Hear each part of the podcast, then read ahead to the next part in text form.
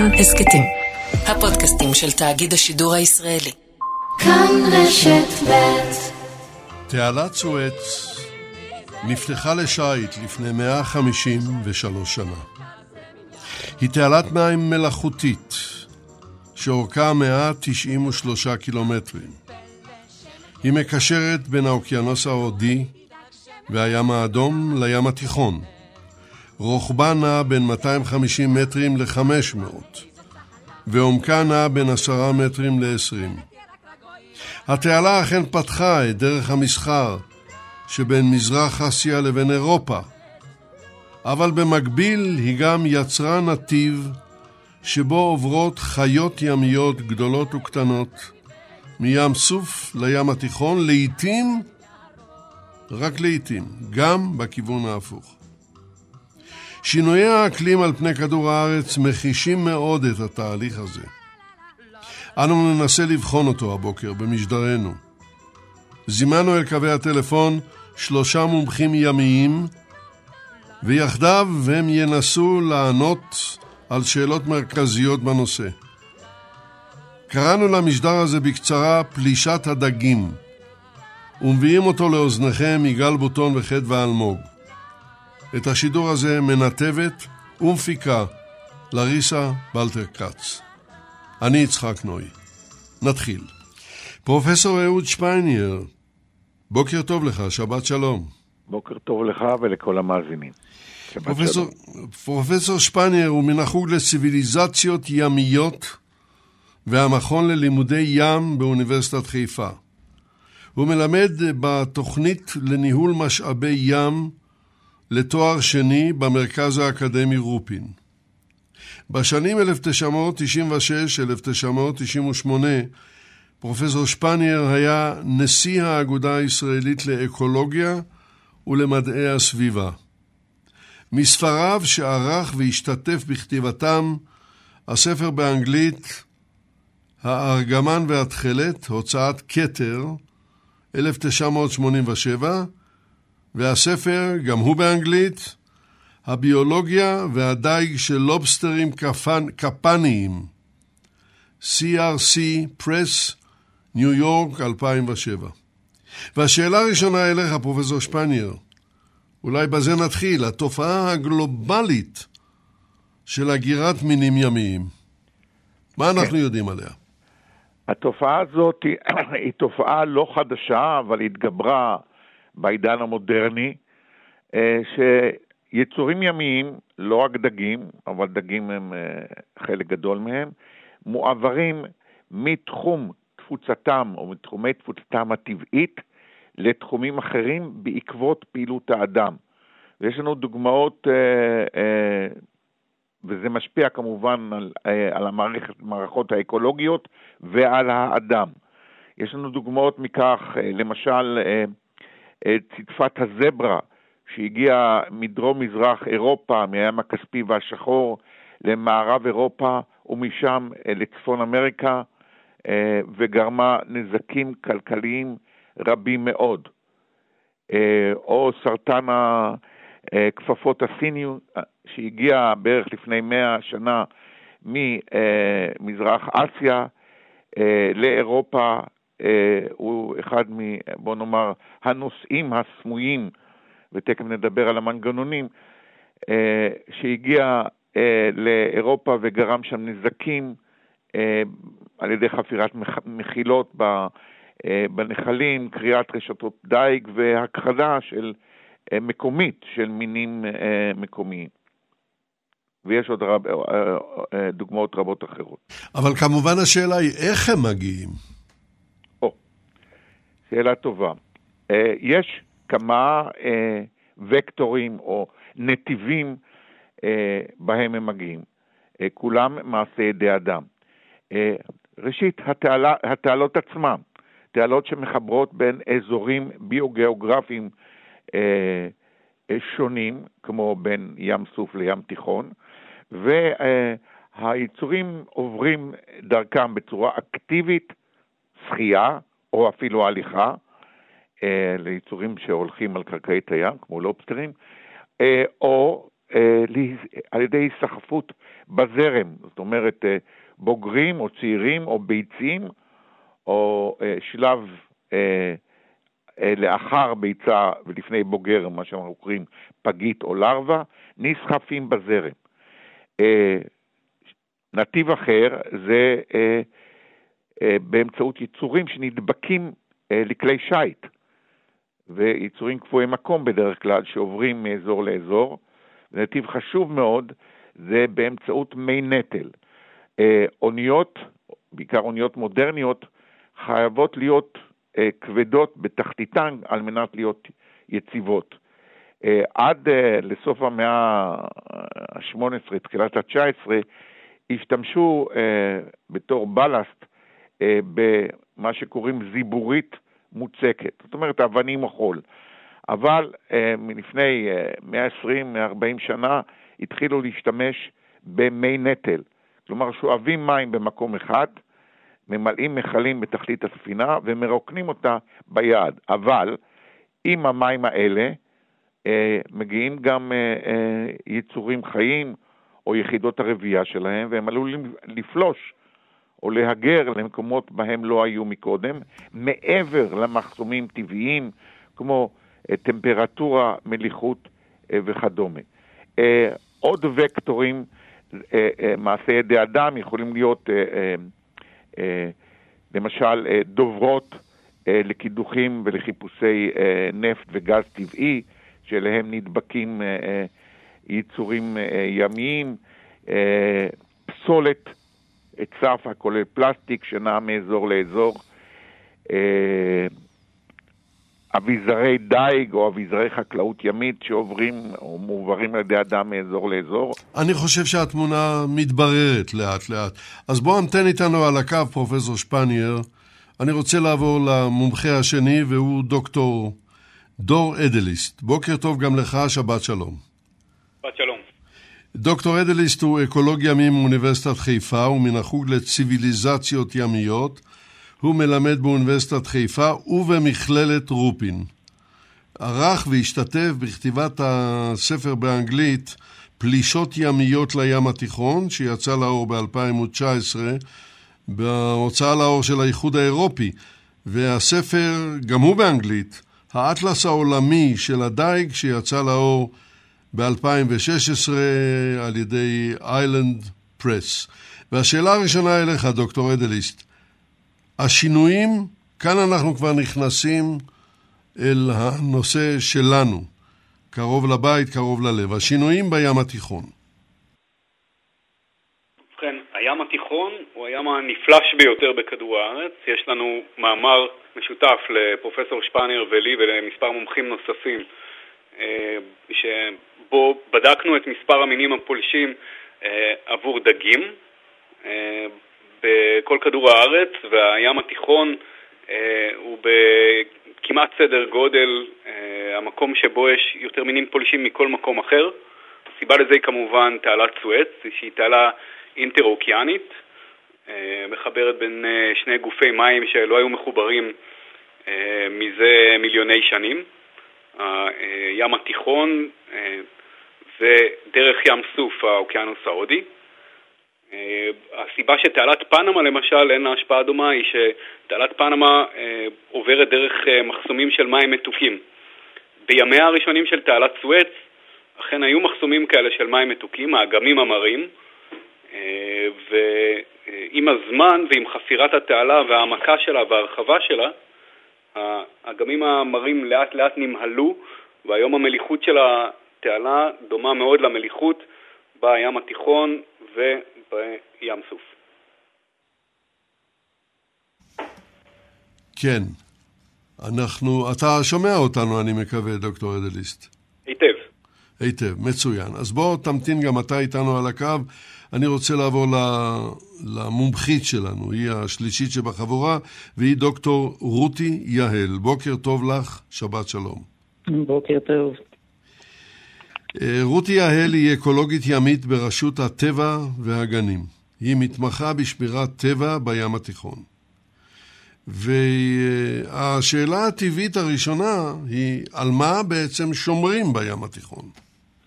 אה, זאת שאלה, שאלה מצוינת, כי בדרך כלל כשמדברים על שמירת טבע, או יש הרבה אנשים שחושבים שכשמדברים על שמירת טבע מדברים על שמירת המינים.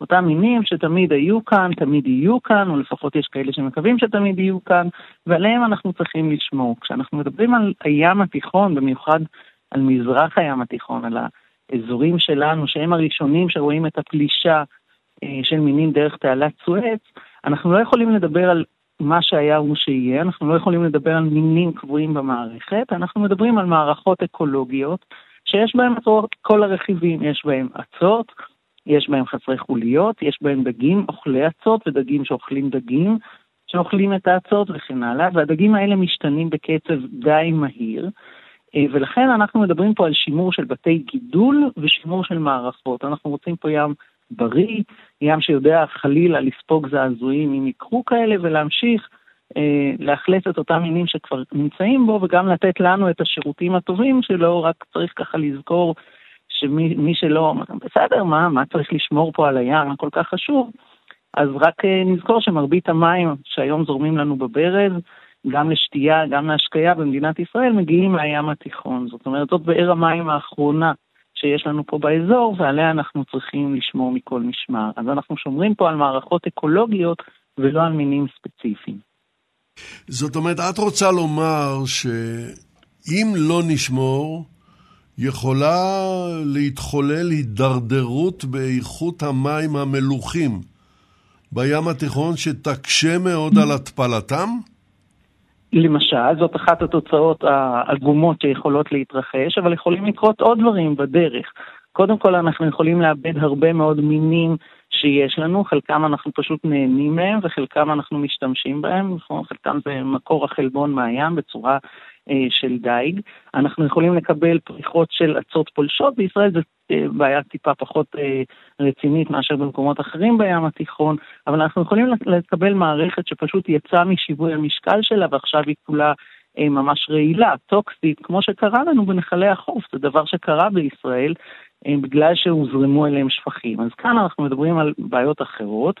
שאחת מהן זה אה, המינים הפולשים, אבל אולי לא הבעיה המרכזית, ואם אנחנו לא, לא נקצה מאמצי שימור מאוד מאוד גדולים לים הזה, אז הוא יכול במקום לשרת אותנו ולהוות מקור אה, פרנסה, הנאה ומקור אה, טבעי, איזשהו שטח טבעי שכל כך חסר היום במדינת ישראל, לאזור שהוא עוין ולא ידידותי לבני אדם. כן, כן, ככה זה נשמע. טוב, בוא, בוא נעבור אליך בחזרה, פרופסור שפנייר. כן, כולי אוזן. למעשה, התחילה לדבר דוקטור יהל על אה, מה שקורה בים התיכון, על מה אנחנו שומרים. אז בואו בוא ננסה להבין מה קורה אצלנו, כאן, במזרח התיכון ובים התיכון, בנושא הזה. אה, כמו שאמר אה, עמיתי וסטודנט שלי לשעבר, דוקטור אדליסט, אה, אנחנו אה, אה, מגיעים לשיא עולמי. כלומר, לפחות בים התיכון יש יותר מינים בחוף הים תיכוני שלנו, יש יותר מינים פולשים מאשר בכל מקום אחר בים התיכון, וגם מבחינה עולמית אנחנו מגיעים לשיא מפוקפק, שיש לנו הרבה מאוד מינים חודרים, אולי נקרא להם בשם, קוראים להם, כיוון שתעלת סואץ המודרנית, אה, מי שיזם אותה וחפר אותה למעשה, אה, היה מהנדס ודיפלומט צרפתי בשם פרדיננד מארי דה לספס, אה, ופרופסור פור, עליו השלום, מהאוניברסיטה העברית, קרא לתהליך הזה, או למינים האלה שהם מהגרים או פולשים, מינים לספסים. כן. אה, אחרים קוראים לזה, אה, לאלה, אה, מינים אריתראים או מינים אקזוטיים, לא חשוב השם, זה מינים שחודרים מים סוף לים התיכון, וגם ממקומות יותר רחוקים, כמו המפרץ הפרסי או האוקיינוס ההודי, לים התיכון. חלקם מופיעים אולי פעם אחת ולא יותר, אבל חלקם מגיעים, מתיישבים מתרבים ומתפשטים ולפעמים דוחקים את המינים המקומיים. לא מכחידים אותם לגמרי, אבל דוחקים אותם מאזורנו. דוגמה מאוד ידועה לרוב הציבור זו המדוזה חוטית נודדת, שהופיעה לפני 30-40 שנה, אני חושב שהיא נדגמה לראשונה ב-1977 על ידי פרופסור חנן לוינסון, זיכרונו לברכה, ואחר כך התחילה לשלוט פה והיא דחקה את המדוזה שהייתה מצויה אז ונקראה בשם האנכרוניסטי מדוזה מצויה, היום קוראים לה אה, אה, כחולת שוליים חלקה, אבל היא כמעט איננה, כי היא נדחקת על ידי המדוזה הפולשת, החוטית הנודדת, שהיא לא כל כך אהובה על ידי קהל המתרחצים בים התיכון, כי היא צורבת, אה, והיא גורמת אה, גם אה, נזקים אחרים חוץ מצריבה, למשל היא סותמת את מערכות הקירור של חברת חשמל, של המים שנשאבים על ידי מפעלי התפלה, ופה אנחנו רואים באמת נזק אפילו תעשייתי, כלכלי, על ידי הפולשים, וזה לא הנזק היחידי, יש לנו כל מיני יצורים ארסיים, כמו למשל הדג ספמית אה, אה, ארסית, שהדייגים קוראים לזה נסראללה, שעקיצתם אה, מאוד מאוד כואבת. יש לנו דגים רעילים כמו מיני הלגינון, אבו נפחה, שיש בהם רעל עצבי מאוד מאוד מסוכן בשם טדרטודוקסין, שעלול להרוג בני אדם. אה, שוב פעם, אני לא רוצה אה, שהתמונה תהיה אה, חד צדדית, כי יש בין החודרים גם מינים שמביאים תועלת לאדם, בעיקר בשלל הדייג, דגים וחסילונים, שרימפסים, שמקורם ב, בים סוף ובאוקיינוס ההודי. כן. תודה לך גם על התשובה הזאת. אה, בחזרה אליך, דוקטור דור אדליסט. דיבר פרופסור שפניר על הנדידה הזאת, ו- וגם במובן הכללי, היינו רוצים לדעת מה השפעת השינויים האלה, והם קורים. מה השפעת השינויים האלה על הטבע באזורנו, דוקטור אדליסט? הטבע שלנו אה, הוא טבע שעוצב אה, במהלך מיליוני שנים כתוצאה אה, מכניסה של המים של הים התיכון מהאוקיינוס האטלנטי. ברגע שיש לנו טבע חדש שהוא טבע אינדו-פסיפי, זאת אומרת, מגיע שהמקור שלו הוא באוקיינוס ההודי ובמערב האוקיינוס השקט, שאלה המקורות שמהם מגיעים אלינו המינים החדשים, אז הטבע שלנו משתנה. וצריך להבין שאהבת טבע, אם אתם רוצים לאהוב את הים התיכון, אה, צריך להבין שהוא משתנה. אין דבר כזה, בכלל אין דבר כזה בטבע מצב טבעי, ואני אומר את זה עם גרשיים, עם מירכאות. מאחר והטבע עצמו תמיד נמצא בשינוי, אבל הקצב של השינויים בים התיכון הוא מהיר מאוד. ולכן לאהוב טבע זה להבין שהוא משתנה, ומה שראינו בשנה שעברה לא בטוח שיהיה בשנה שעברה, בשנה הבאה, סליחה. וחלק מהדרך שבה אנחנו אמורים להרגיש לגבי זה, אנחנו בני האדם, שלחופי הים הזה, אה, לדעתי זה אה, קצת מודאגים, אה, אבל מאוד נדהמים ומשתאים לראות את השינויים המהירים מאוד האלה שקור... שקורים אה, מול החיים, של... מול הפרצוף שלנו. ב... בימי חיינו הים הזה משתנה לחלוטין. אני אתן דוגמה, מאסף הצדפים שלחוף הים הוא שונה לחלוטין מכשאני אה, הייתי ילד, ואני בן 47, כשאתה או פרופסור שפאנר הייתם ילדים, יצחק, הים נראה בוודאי אחרת.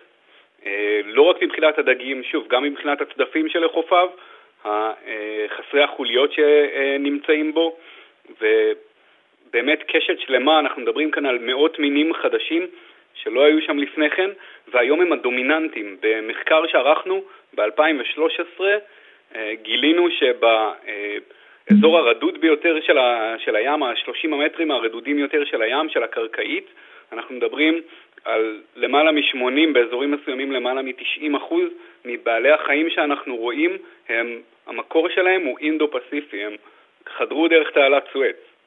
ולכן, לאהוב טבע בים תיכון בימינו זה להבין שהטבע מצנר ולא לצפות לאיזה מצב של יקום סטטי של מה שהיה הוא שיהיה. אם מותר לי להוסיף פה, בוודאי, אה, בוודאי, יוסף. לדברי אה, אה, דור, בוקר טוב דור, בוקר טוב רותי, זה לא רק שהתהליך הזה נמשך, התהליך הזה מתגבר אה, מכמה סיבות. א', אה, התחממות הים, הטמפרטורה של אה, מי הים, אה, בעיקר באזור שלנו, הולכת וגדולה, וזה משחק לידיהם של אה, אה, המינים ה... אה, הים סופיים, או מהאוקיינוס הטרופי, אה, שזה מתאים להם. אה, דבר נוסף, שהתהליך הזה מת, מתגבר בשנים האחרונות. בוא נאמר שמשנת 2000 אה, אנחנו מגלים בכל הקבוצות, והקבוצות הראשיות זה, כמו שדור הזכיר, רכיכות, דגים, סרטנים ואצות מקרו, אנחנו מגלים יותר ויותר בקצב גובר והולך אה, מינים חדשים, שחלקם ממש משתלטים. אה, התהליך הזה אה, עוד מוגבר על ידי זה של אה, אה לפני שנים מועטות, אה, למעשה הורחבה תעלת אה, סואץ, כן, הוסף בה נתיב אה, אה, נוסף אה, של כ-70 קילומטר, וזה גם מאיץ את ה... את, או מגביר את מספר האוניות שעוברות בנתיבים האלה, וגם את האפשרות של יצורים לעבור באורח עצמאי או להיסחף בתעלה. צריך להבין גם שככל שאנחנו משתמשים באוניות גדולות יותר ומודרניות יותר ומהירות יותר, ככה הסיכוי להעביר אה, אה, יצורים במי הנטל אה, הולך וגובר. אה, כי לא שהתנאים במי הנטל הם אה, אידיאליים ל, ליצורים, אה, חשוך שם, אין שם מספיק חמצן וכולי, אה, וחלק מהיצורים לא יכולים לעבור, אבל יש יצורים שמחזיקים במסע הזה, וחלקם, שהם מגיעים, אה, הם מצליחים להתבסס. לא מה, כולם. מה, מהו המשקל המקסימלי של, או נפח, לפי המדידה שלכם, של אונייה שיכולה לעבור בתעלת סואץ היום, ב-2022? א', אנחנו רוצים לומר, ש, אה, אני רוצה לומר שמדובר לפעמים במי נטל עד 35% ממשקל האונייה.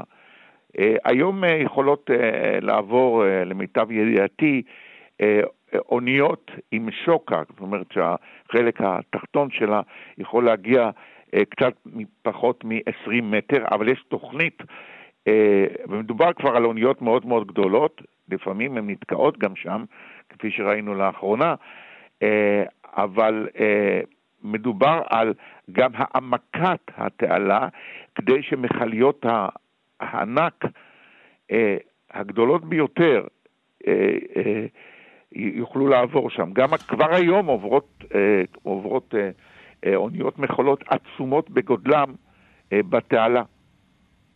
הן יכולות להגיע גם לחצי מיליון אה, טונות בנפח, הלא כן? כן.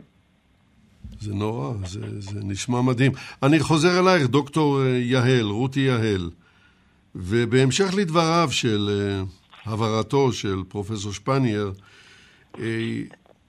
מה אנחנו רואים בפועל בנוף התת-ימי? זו שאלה נהדרת, כי באמת אה, דור ואהוד הראו ככה את, המעבר של המינים, אבל צריך לחשוב, רוב, רובנו אנשים מאוד יבשתיים. כשאנחנו חושבים על מינים פולשים, אם אנחנו מתעמקים בזה, אז אנחנו נעשה, נדמיין אחורה ונגיד שבעצם רובנו נמצאים פה בישראל באזורים שפעם היו בהם אלונים אה, ואלות, והקולות שהיו שומעים מסביב זה קולות של בולבולים ושל חוחיות, והיום בעצם מה שאנחנו רואים זה אה, אקליפטוסים, הרבה מאוד אקליפטוסים, הרבה מאוד אה, שיטה שהיא מין פולש שיטה כחלחלה, ואנחנו כבר כמעט לא שומעים לא את הבולבולים ובטח לא את החוחיות, אבל אנחנו שומעים הרבה מאוד דררות, ואנחנו שומעים מיינות, וכל הנוף שסביבנו, הנוף הוויזואלי והנוף של הכל השתנה. אז גם בים אנחנו רואים את אותן תופעות, כי האצות שהיו, למי שמכיר היטב אצות, נכנסו אצות חדשות, לא רק בעלי חיים פולשים אה, דרך אה, תעלת סואץ, אלא גם אצות מגיעות, אז יש לנו מרבדי אצות ממינים שלא היו פה, ובעיקר יש לנו מיני דגים חדשים. אה, דיבר דור על כך ש-80% מכל בעלי החיים עד, עד עומק של 30 מטר הם מינים פולשים. אז בסקרים המאוד מדוקדקים שאנחנו עורכים, אנחנו רואים שמבחינת הדגים זה לא מגיע ל-80 אחוז, רק, רק במרכאות כפולות 25 אחוז, אבל מבחינת מספר המינים. זאת אומרת, כל מין רביעי הוא מין שלא היה פה בעבר, הוא מין פולש. אבל מבחינת מספרי הפרטים, הכמויות הן הרבה יותר גדולות, כי כל דג שלישי, כל פרט שלישי שאנחנו נראה בים, זה פרט אה, פולש, בעיקר רובם של הדגים האלה הם אה, דגי סיכנים, דגים מסוג סיכן, אה, גם משויש וגם אה, אודי, אבל הדגים האלה יש להם תפקיד מאוד ברור במערכת. הם בעצם הארנבים של המערכת, והם אוכלים ורואים כמויות גדולות מאוד של אצות, דבר שלא קרה פה בעבר. זאת אומרת שהם משנים את כל תשתית בית הגידול, ולכן הם עלולים לגרום במין קסקייד כזה גם לדחיקה של אותם מינים אה, רועים מקומיים שהיו פה בעבר, וגם בית הגידול עצמו של האצות, שהוא בית גידול הרבה מאוד חסרי חוליות, אה, נפגע מאוד, ואותם בעלי חיים שחיו כאן בעבר, פתאום בית הגידול שלהם נעלם. אבל זה לא אומר שכל מין שנכנס למערכת עושה כזה, כזה נזק. למשל, באותם סקרים שעשינו, ראינו שבעצם כל הצדפות שנמצאות בקרקעית הים הן צדפות פולשות. נדיר מאוד מאוד למצוא מין ופרט של צדפה מקומית. ולכן יצאו חוקרים מאוניברסיטת תל אביב ומכללת רופין לבדוק מה ההשפעה של אותן צדפות על שאר המגוון. ולהפתעת כולנו אחרי מחקר מאוד מעמיק ומדוקדק, אבל בקנה מידה קטן. זאת אומרת, מה קורה סביב אותן צדפות אה, פולשות שהתיישבו על רכסי הכורכר ויצרו מעין שוניות כאלה, ראו שאין השפעה על המינים המקומיים. זאת אומרת, לא נדחקו מינים שהיו כאן, לא נעלמו מינים אחרים שהיו כאן. ישנה השפעה אולי קצת על גידול אצות, דווקא הצות, הצדפות תורמות קצת לגידול האצות של סביבם, אבל לא השפעה כזאת שאומרת, תשמעו, אם אתם רוצים לשמור פה על המערכת, חייבים ללכת ולהוציא את כל הצדפות האלה מהים, כי אחרת אוי ואבוי. מצד שני, ישנה לפעמים, מופיעים מינים של דגים, כמו שכבר שמענו אה, קודם, שהם מינים שעלולים לעשות הרבה מאוד נזקים.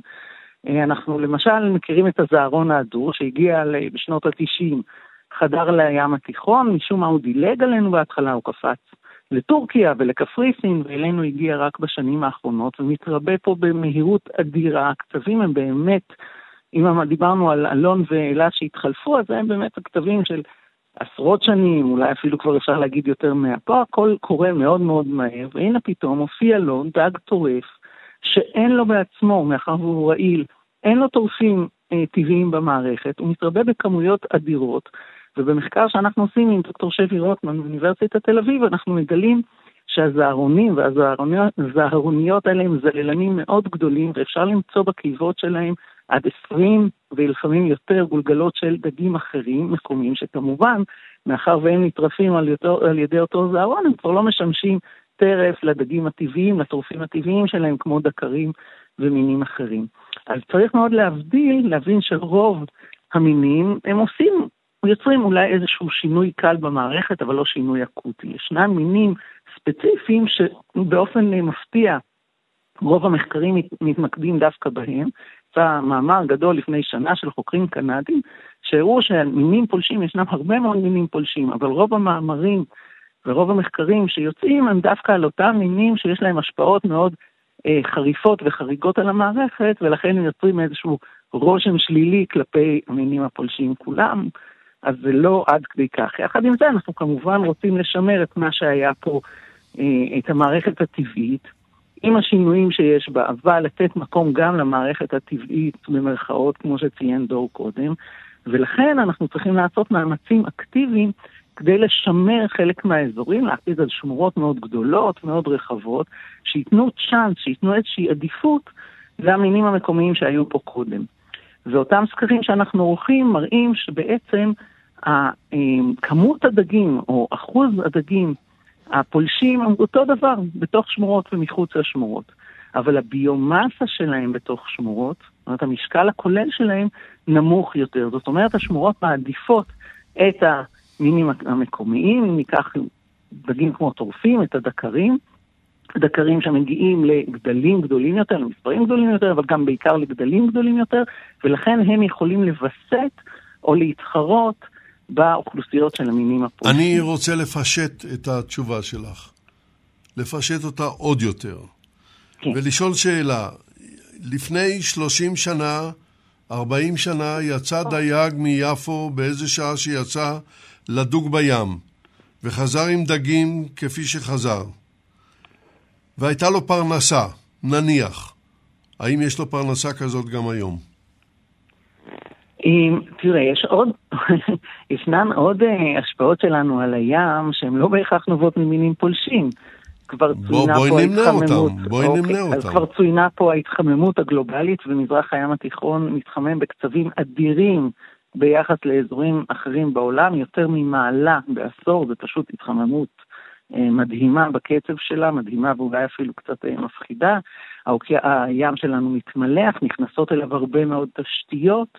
שחלקן הורסות פיזית את אה, בתי הגידול, חלקן מזרימות, יש כאן הזרמות עצומות, מדינת ישראל עושה כל מאמץ כדי לא להזרים קולחין וביוב לים, אבל עדיין ישנה הזרמה של תמלחות ושל קולחין לים, וישנו כמובן, אי אפשר להתעלם, גם דייג שלא ברור שהוא דייג בר קיימא, זאת אומרת, לא ברור שהוא לוקח מהים אה, אה, מספיק כדי ש... או מעט מספיק, נקרא לזה ככה, כדי שהים יוכל להתחדש. לכן אותו דייג יתר הוא זה שמקטין את, ה, את כמות הדגים הזמינים לדייג. כן, כן. והפרנסה היא בהתאם. רק שנייה, רק רק רגע אחד. אני, אני אתן לכם מיד מיד, כולם ידברו. כן, זה נושא שתמיד... רק תסיימי, כן. אה, הרבה מינים מקומיים שהיו פרנסה של הדייגים התחלפו במינים שהם מינים פולשים, ולכן לא באופן ישיר זאת הפגיעה. טוב, בואו בוא נשמע את התגובה. מי, מי רוצה להגיב? אני מקשיב. מאוד... שדור יגיב, אה, כי הוא עוסק בדייג. בסדר, דוקטור אדליסט, דבר. ששום דבר לא קובע את הפרנסה של אותו דייג אה, מיפו היום כמו שמירת טבע. מדינת ישראל בשנים האחרונות עברה רפורמה אה, אדירה באיך שהיא עושה את הדייג, באיך שהיא מנהלת את הדייג שלה, שהמטרה שלה היא לא להוציא יותר דגים מהים, המטרה שלה היא לשמור על הטבע. והדייגים של ישראל היום עוברים אה, מסכת של תקנות שהן חריגות ב... אה, בחומרה שלהם ביחס לכל מקום אחר בים תיכון, אה, בכמה מהדברים גם ביחס לכל מקום אחר בעולם. אנחנו ממש, אה, ממש משמרים את הטבע בדרך שמאוד מקשה על הדייגים שהם השכבות החלשות אה, להתפרנס. בנוסף למה שרותי אמרה על קולחין קודם, הקולחין האלה הם אותם חומרי דשן שאפשרו למערכת, למערכת האקולוגית אה, לתמוך בגידול של אה, יותר דגים. אז אני לא אומר שאנחנו צריכים לשפוך קולחין לים, אבל אם נחלי החוף של ישראל לפני 100 שנה היו מוצאים 750 אה, מיליון קוב בכל שנה לים, והיום הם מוציאים 50, אז זה אומר שאת חומרי הדשן שהמים האלה נשאו, אנחנו שואבים את המים האלה לטובת שתייה שלנו, ואת חומרי הדשן שהמים האלה נשאו, הם שימשו את המערכת האקולוגית בדיוק כמו השיטפונות של הנילוס שנסחר, אה, בשביל לגדל כמות גדולה יותר של דגים, ולכן לא נכון לומר ששפכים הם רק אה, אה, גרמו לדברים שהם במרכאות רעים. דבר שני, הדייגים של ישראל באמת בשביל להביא דגים היום צריכים לעבור קודם כל דרך יחידת פיקוח של רשות הטבע והגנים שאוכפת אה, רגולציה אה, באמת חריגה בנוקשות שלה, אה, שמשרד החקלאות ורשות הטבע והגנים אמונים באמת על, ה, על החקיקה שלה ועל האכיפה שלה ועל הפיקוח שלה, ואנחנו עדיין לא רואים, לדעתי, להערכתי, מלבד בדגי הדקר, שרותי הזכירה, המקומיים, שאנחנו רואים אותם בכמויות גדולות יותר, מלבדם אנחנו עדיין לא רואים איזושהי אה, ברכה גדולה שיש בה בכדי לפצות את הדייגים, ולכן אנחנו כמדינה צריכים לפצות את הדייגים על התקופות שבה הם יושבים אה, בצד ולא דגים, ועל הירידה ב, אה, בהכנסות שלהם. כן, זאת נקודה אה... מאוד מעניינת. אני חוזר אליך, פרופסור שפנייר. אני, אני רק אולי, אם כן, אפשר להגיד ולהבהיר כמה דברים, זה קצת חורג מהנושא שלנו של מינים פולשים. שום דבר לא חורג להבהיר... מהנושא, הכל הוא הנושא. כדאי להבהיר שיהיה ברור שתקנות הדייג לא נקבעות על ידי רשות הטבע והגנים. תקנות הדייג נקבעות על ידי אגף הדייג אה, אה, במשרד החקלאות, שדור אה, אדליסט הוא אחד מהיועצים המדעיים שלהם. מי שאוכף את התקנות האלה בפועל בים זה אכן פקחי רשות הטבע והגנים, הם לא קובעים את התקנות, הם רק אוכפים אותן, ואני חושבת שהים, מי שיוצא לים בשנה, שנתיים האחרונות, מבין כמה ברכה יש באכיפה הזאת, שהופכת את הים, נקרא לזה, למסודר יותר. זה כבר לא הכבישים הפרועים שאפשר לנסוע איתם בכל כלי טוב, רכב בסדר. ובכל מהירות. רגע, ועוד נקודה אחת שמאוד מאוד חשוב לציין, אולי אפילו שתיים, אה, שמורות טבע ימיות לפי מה שאנחנו מכירים מהמאמרים בעולם, לפי מה שאנחנו רואים אפילו בשמורות ותיקות אצלנו, כמו בראש הנקרה, הן לא גוזלות חלילה דג, אה, דגים מהדייגים. הן דווקא מאפשרות לאותם דגים גדולים, מסחריים, נחשקים, כמו דגי דקר, לגדול יותר, להתרבות יותר. אין גרעיני הרבייה של הדגים גם מחוץ לשמורות. זאת אומרת, אם לא היו שמורות כאלה, לא היה מקור לדגים, הכל היה נעלם כאן ועכשיו, ולא ניתן היה בעצם לצפות שיהיו מינים, אה, אותם מינים שהדייגים כל כך אה, אה, חשוב להם לדוג אותם בשנים הבאות. אז כאן יש לשמורות תפקיד מאוד מאוד חשוב, דווקא בממשק הדייג ובהבטחה של הדייג בעתיד. טוב. העלייה בדגי הדקר, צריך להגיד שדגי דקר הם, הם ה top של שרשרת המזון המקומית, ולכן אם אנחנו רואים עלייה בכמות של דגי הדקר, אנחנו מבחינתנו זה סמן מאוד טוב לזה שהמערכת בריאה יותר, מתאוששת במגמה חיובית, ואני חושבת שכולנו זה הדבר שאנחנו אה, רוצים. עכשיו בואו נעבור לשאלה הבאה. תודה לך, דוקטור יעל, ואני חוזר אליך, פרופסור שפנייר. אה, כן. שאלה שרמזת עליה בשיחה המקדימה שהייתה לנו, והיא באמת מעוררת סקרנות. מדוע הגירת מיני הים אצלנו, ואני מדבר על תעלת סואץ כווקטור שמעביר, היא חד-כיוונית, לאמור מהאוקיינוס ההודי וים סוף אל הים התיכון, והרבה הרבה פחות להפך. מה קורה כאן? מיד אני אענה לך, אני רק אתייחס במילה, במשפט אחד, אה, בוודאי. Uh, לנושא של שמירת הטבע והדייג. בוודאי. Uh, אני חושב שאפשר uh, לקיים דייג ושמירת טבע ביחד, וכמו שרותי אה, אה, הצביע על כך ששמורות מסייעות גם לדייגים, אבל אה, צריך אכיפה לא רק על הספינות הדייג הגדולות, המכמורתנים, אלא אה, גם על אה, הדייגים החופיים ועל עשרות אלפי הדייגים החובבים, כי אם אנחנו מוצאים אה, סוג אחד של דייג ולא מטפלים בדייגים מסוג אחר, אז הדייגים מסוג אחר יחדרו לגומחות, לנישות של, של הדייגים שאותם אנחנו מפעילים עליהם תקנות חמורות.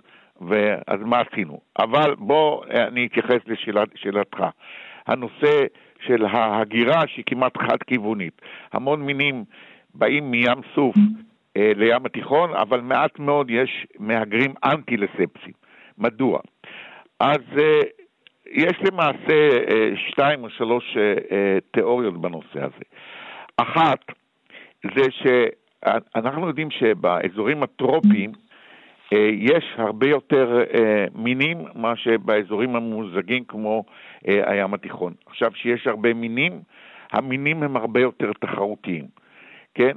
לכן, מינים ים סופיים שמגיעים איכשהו דרך, או שבאופן אקטיבי או שדרך מי נטל לים התיכון אה, ומצליחים לעבור את כל המחסומים, הם הרבה יותר אה, תחרותיים או מצליחים בתחרות שלהם לעומת המינים המקומיים.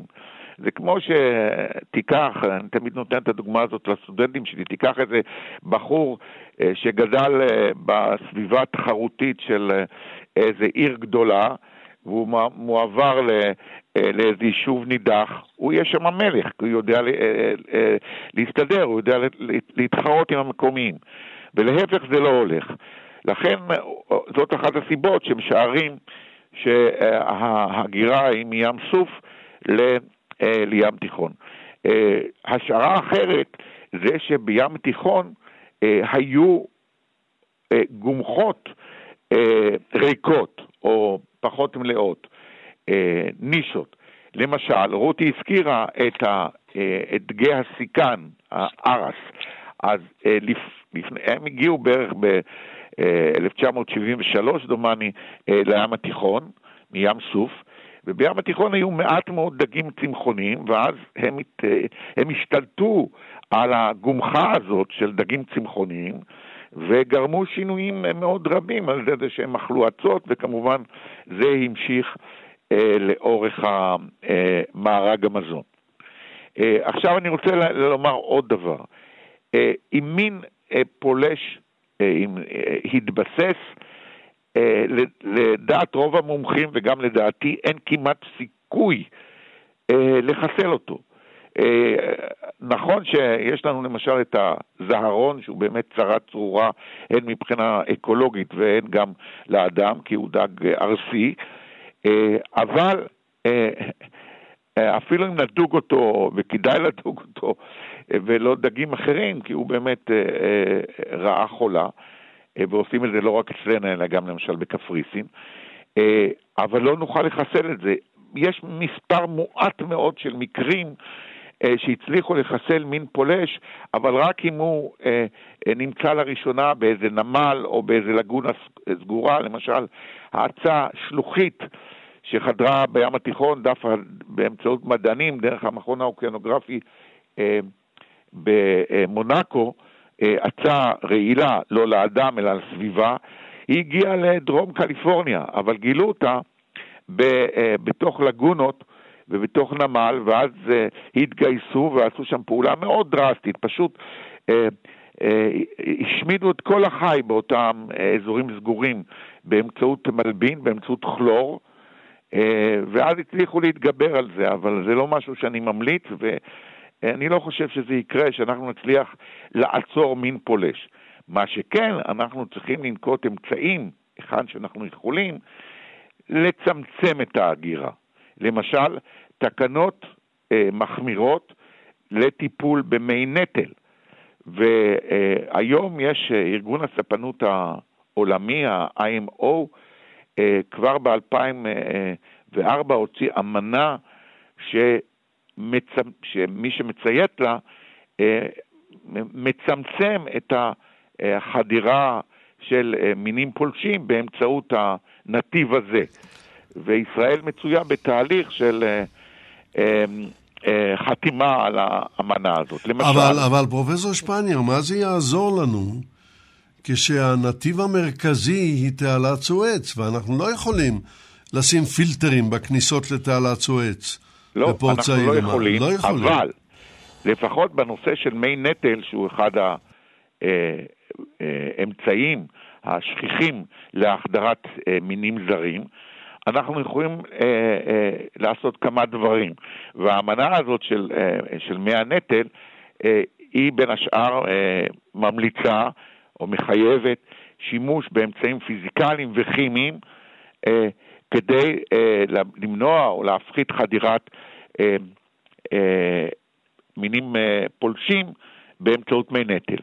אה, אחת התקנות החשובות ביותר אה, זה אה, שחייבים אה, אם אתה שואב מים, נגיד במפרץ הפרסי, אה, בנמל באבו דאבי, ואתה מגיע לנמל חיפה או לנמל אשדוד, אתה חייב להחליף את המים האלה לפח, במרחק של לפחות 200 מייל, מייל ובעומק של לפחות 200 מטר מהנמל הקרוב. זאת אומרת, במקום אה, שאתה תגיע עם מים מאזורים רדודים במפרץ הפרסי, תחליף את המים ותגיע אה, עם אה, אה, מים, אולי עם יצורים, ש, אה, אה, של אה, הים התיכון הפתוח והעמוק.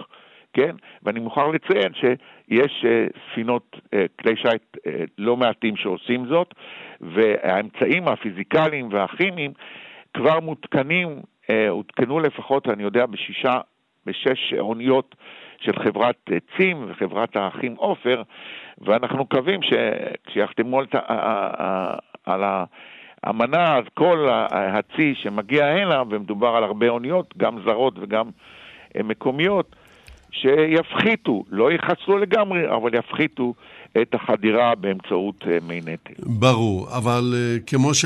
כמו שאמרת, פרופסור שפנייר, ואני כרגע פונה לדוקטור אה, דור אדליסט, בשאלת המאבק בפולשים, אנחנו רק דוחים את הצרה הזאת, אבל אנחנו לא נצליח להשתלט עליה אם כך. בסופו של דבר, הרי אם ניקח בחשבון גם את שינויי האקלים, וגם את הפלישות הימיות האלה שמתחזקות בעקבות שינוי האקלים, אז הפאונה והפלורה ב- ב- ב- בים התיכון ובאוקיינוס ההודי יהיו שווים, הלא כן? אה, אני לא יודע אם שווים לחלוטין, מאחר והתנאים בים התיכון אה, לא בטוח שיש, שיאפשרו אה, לכל הפאונה והפלורה של האוקיינוס האינדו-פסיפי לשגשג. אבל בנוסף אני רוצה להוסיף על מה שפרופסור שפאנר אמר קודם, אה, כן ניתן, אני לא יודע אם לשים פילטר, אבל uh, בתעלה עצמה uh, היה דיבור תמיד על מסכי בועות ועל על UV, על ממש כן סוגים של, של סלנים שאפשר להתקין בתעלה, ולאחרונה uh, משהו הרבה יותר uh, רלוונטי, uh, במאמר ש, שפורסם לאחרונה עלתה הצעה אה, ל, אה, את המים שמותפלים לאורך התעלה, מצרים הולכת להקים מתקני התפלה מאוד גדולים לאורך התעלה, ולהשתמש במים אה, המתוקים בשביל להשקות שדות, ובמים המלוכים בתמלחת, אם משיבים אותם לתעלה בצורה, בצורה הגיונית, בצורה נכונה, מסוימת, אפשר ליצור מחדש את אותו מכשול שדיברתי עליו קודם, על האגמים המרים שהיו שם במקור, אה, וככה אולי להאט קצת את התהליך הזה של הפלישה. אה, כמו שפרופסור שפיינר ציין, מעולם לא אה, מין ימי שהתבסס בסביבתו החדשה כמו שצריך כבר, מעולם לא נעקר. ולכן את הנעשה אין להשיב.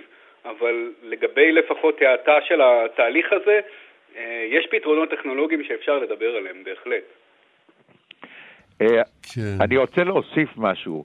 אה, אבל בקצרה חוקרים, רבה, כי כן. עכשיו הזמן שלנו כבר מתחיל להצטמצם. יש חוקרים ש... שאומרים שהים התיכון עובר תהליך של טרופיקליזציה, זאת אומרת שהוא הולך והופך טרופי. אני לא בטוח שהוא יהפוך טרופי לגמרי כ, אה, כים סוף, אבל בעיקר באזור שלנו. אנחנו אה, אה, תחנת מעבר חשובה מאוד ותחנת התרבות של המינים הלספסים או המינים האריתראיים.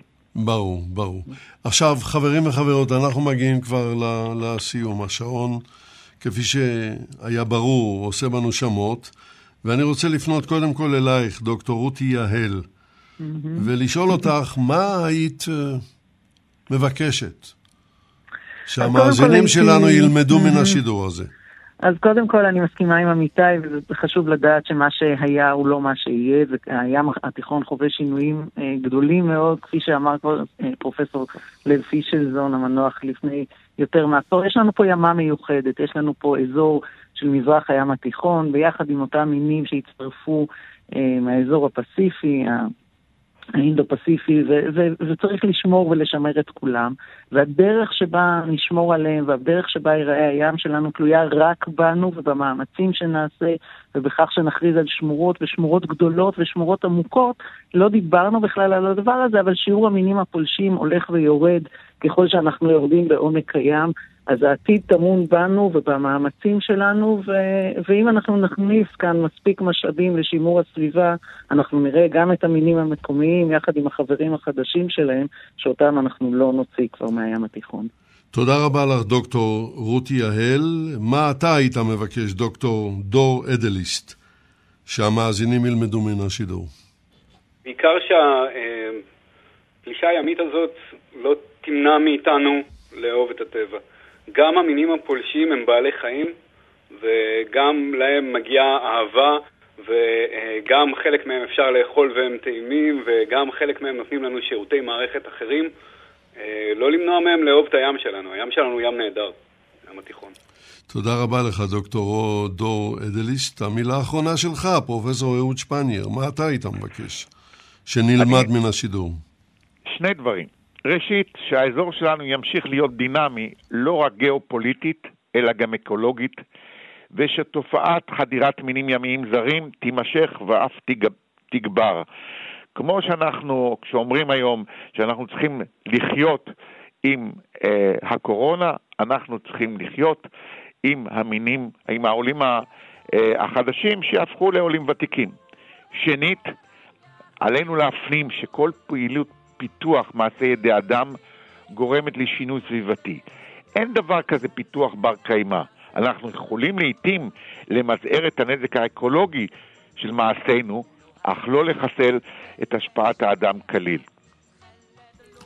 תודה רבה גם לך, פרופסור אהוד שפנייר. תודה לשלושתכם. עד כאן, לבוקר חורפי זה. פלישת הדגים. הביאו לשידור יגאל בוטון וחדווה אלמוג. ניתוב והפקה, לריסה בלטר כץ. אני יצחק נוי.